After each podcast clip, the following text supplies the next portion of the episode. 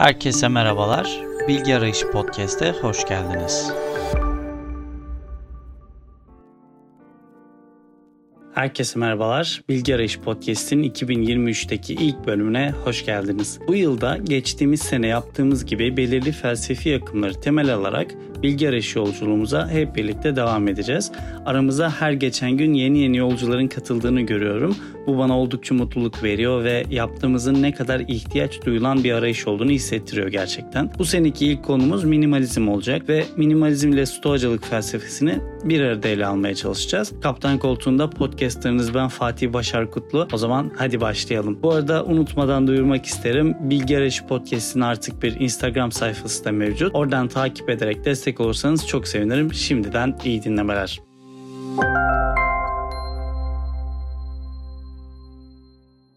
Amerikalı yazar ve minimalizmin önde gelen isimlerinden Nicholas Bruce'un söylediği gibi minimalizm bir şeylerin eksik olması değil, basitçe bir şeylerin kusursuz miktarda olmasıdır. Akım olarak yalnızca gerekli olanların kullanımını teşvik eden ve gerekli ya da yararlı olmayan her şeyin ihtiyaç dışı olduğunu, kullanılmaması gerektiğini söyleyen bir yaklaşıma sahip minimalizm. Temel fikir olarak daha az daha fazladır mottosunu bulunduruyor. Yani orijinal diliyle söylersek less is more. Önerisi de hayatımızı basitleştirerek fazla eşyaları hayatımızdan çıkartmamız ve böylelikle en önemli şeylere odaklanarak daha büyük mutluluklar, daha büyük doygunluklar yaşayabileceğimiz yönünde. Peki minimalizmi yaşam tarzımıza nasıl uyarlayabiliriz? Yani yaşamımızın içerisinde bunu nasıl yansıtabiliriz? Soyut bir felsefeden ya da sanatsal bir yönü olan bir akımdan ziyade doğrudan yaşamlarımız içerisinde yer alabilen bir yaklaşım olarak karşımıza çıktığı için yaşamsal olarak bir karşılığı da bulunmalı. Yaşam tarzımızı uygulayabilmek için birçok yol mevcut. Ancak temelde ikiye ayırabiliriz bu yolları. Birincisi hayatımızdaki eşyaları ve aidiyeti düzenlemek. Bunun üzerinden ilerlemek oluyor. Bu da demek oluyor ki yaşam alanlarımız, eşyalarımız, kıyafetlerimiz, kitaplarımız ve diğer şeyleri yaşam alanımızın içerisinde bulunan bu düzensizliği ya da çokluğu diyelim minimalizme göre gereklilikleri üzerinden sınıflandırarak bir sadeleştirmeye gitmek. Yani nedir? Okumadığımız veyahut da okuyup e, kütüphanemizde bulundurduğumuz kitapların birçoğunu aslında oradan ayırmak. Sadece her an ihtiyacımız olabilecek kitapları bulundurmak ya da giymediğimiz kıyafetleri ayrı bir sınıflandırmaya sokarak vermek, atmak, satmak ve diğer tabii ki. Diğer yaklaşım ise soyut kavramlara odaklanarak minimalizmi arkadaşlıklarımıza, ilişkilerimize uyarlamak oluyor. Bu da benzeri bir şekilde hayatımızda çok iletişim halinde olmadığımız kimseleri yani atıl kalan ilişkilerimizi, bize gerek olmayan ilişkileri noktalandırarak ilerlemek şeklinde. Tabii minimalizm deyince aklı birçok isim geliyor. İnternet üzerinden de çok isim bulmanız mümkün. Benim en çok dinlediğim müzisyenlerden bir tanesi olan mesela Philip Glass ya da Türkiye'de çok sevilen Jan Tiersen gibi müzikteki yansımaları da mevcut.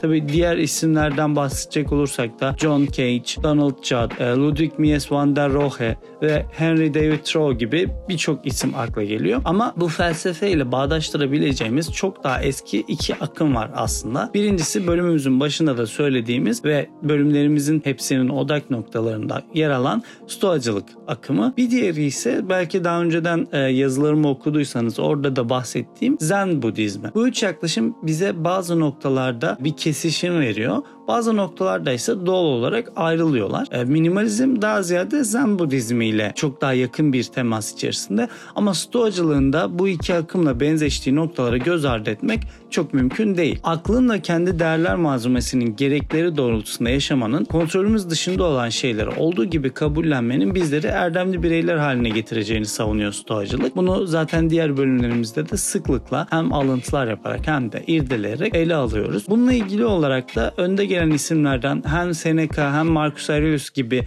maddi olarak aslında çok da sıkıntılı bir durumda olmayan ve oldukça varlıklı isimler hem de Epictetus ve Zenon gibi maddi olarak bir dönem çok sıkıntı yaşamış, dibi görmüş kimselerin e, sıklıkla basit ve sade bir yaşam önerisi içerisinde bulunduğunu görebiliyor. Nasıl oluyor bu? Hem kendi kitaplarında bunlardan bahsediyorlar hem de aslında yaşamlarını incelediğimiz zaman aktardıkları duygulara baktığımız zaman aslında oldukça sade ve basit bir yaşamı bizlere önerdiklerini görmek mümkün. Olaylara bakış açımızdan elimizdeki maddi değerlere varıncaya kadar kontrolümüz dahilindekileri ne kadar basitleştirebilirsek o kadar erdemli yaşama yaklaşabileceğimiz şeklinde bir önerileri mevcut. Böylece yaşamımızdaki stresi azaltabiliriz, verimlilikleri arttırabiliriz ve genel mahiyetiyle sağlıklı ve mutlu bir yaşama erişmemiz de oldukça kolaylaşır. Zen Budizmi ise içinde bulunan anda yaşamaya odaklanan ve gündelik hayatın uğraşlarından yola çıkarak anlam ve tamamlanmışlık hissini bulmayı hedefleyen Mahayana Budist okumunun bir kolu ve e, kişinin yazıtlardan veyahut da öğretilerden ziyade doğrudan doğruya doğanın kendisinden ve şahsi tecrübelerinden yola çıkmasını öğütlüyor. Aydınlanmanın dikkat dağınıklıklarına yol açan şeyleri elemine ederek odaklanmış bir zihinle elde edilebileceğini söylüyor. Bu bağlamda arındırılmış ve odaklanmış bir zihinle hareket edilmesi gerektiğini, sakin ve dingin bir yaklaşım sergilenmesinin öfke, korku ve benzeri hislerin gerçekle ve mantıkla aramıza perde çektiği gibi görüşler mevcut. Ee, Zen Budizmi ile Stoacılık arasında bu noktada bağlantı kurabiliyoruz. Çünkü biliyorsunuz ki Stoacılık da buna benzer bir şey söylüyor. E, duyguların belirli noktada kontrolümüzden çıkmasının önlenmesi gerektiği üzerinde duruyor. İki akım içinde de bulunan anın kıymetinin anlaşılması gerektiği ve anlam bulmanın dikkat dağınıklıklarından uzaklaşarak gündelik hayattaki işlerimize odaklanmakla mümkün olabileceği yaklaşımı bu iki e, felsefi ya da biri dini biri felsefi akımı birbirine yakın bir noktaya yerleştiriyor.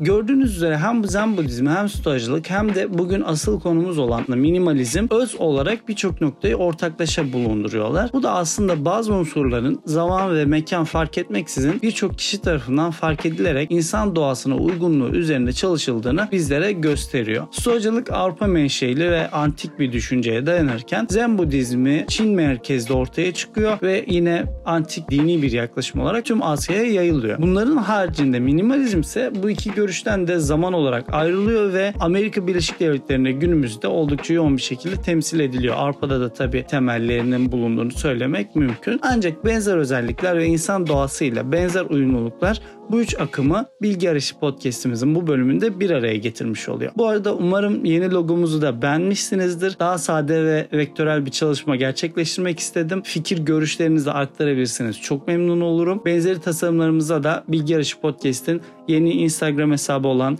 et bilgi arayısı podcast üzerinden ulaşabilirsiniz. Dinlediğiniz için çok teşekkür ediyorum. Hepinize iyi günler diliyorum.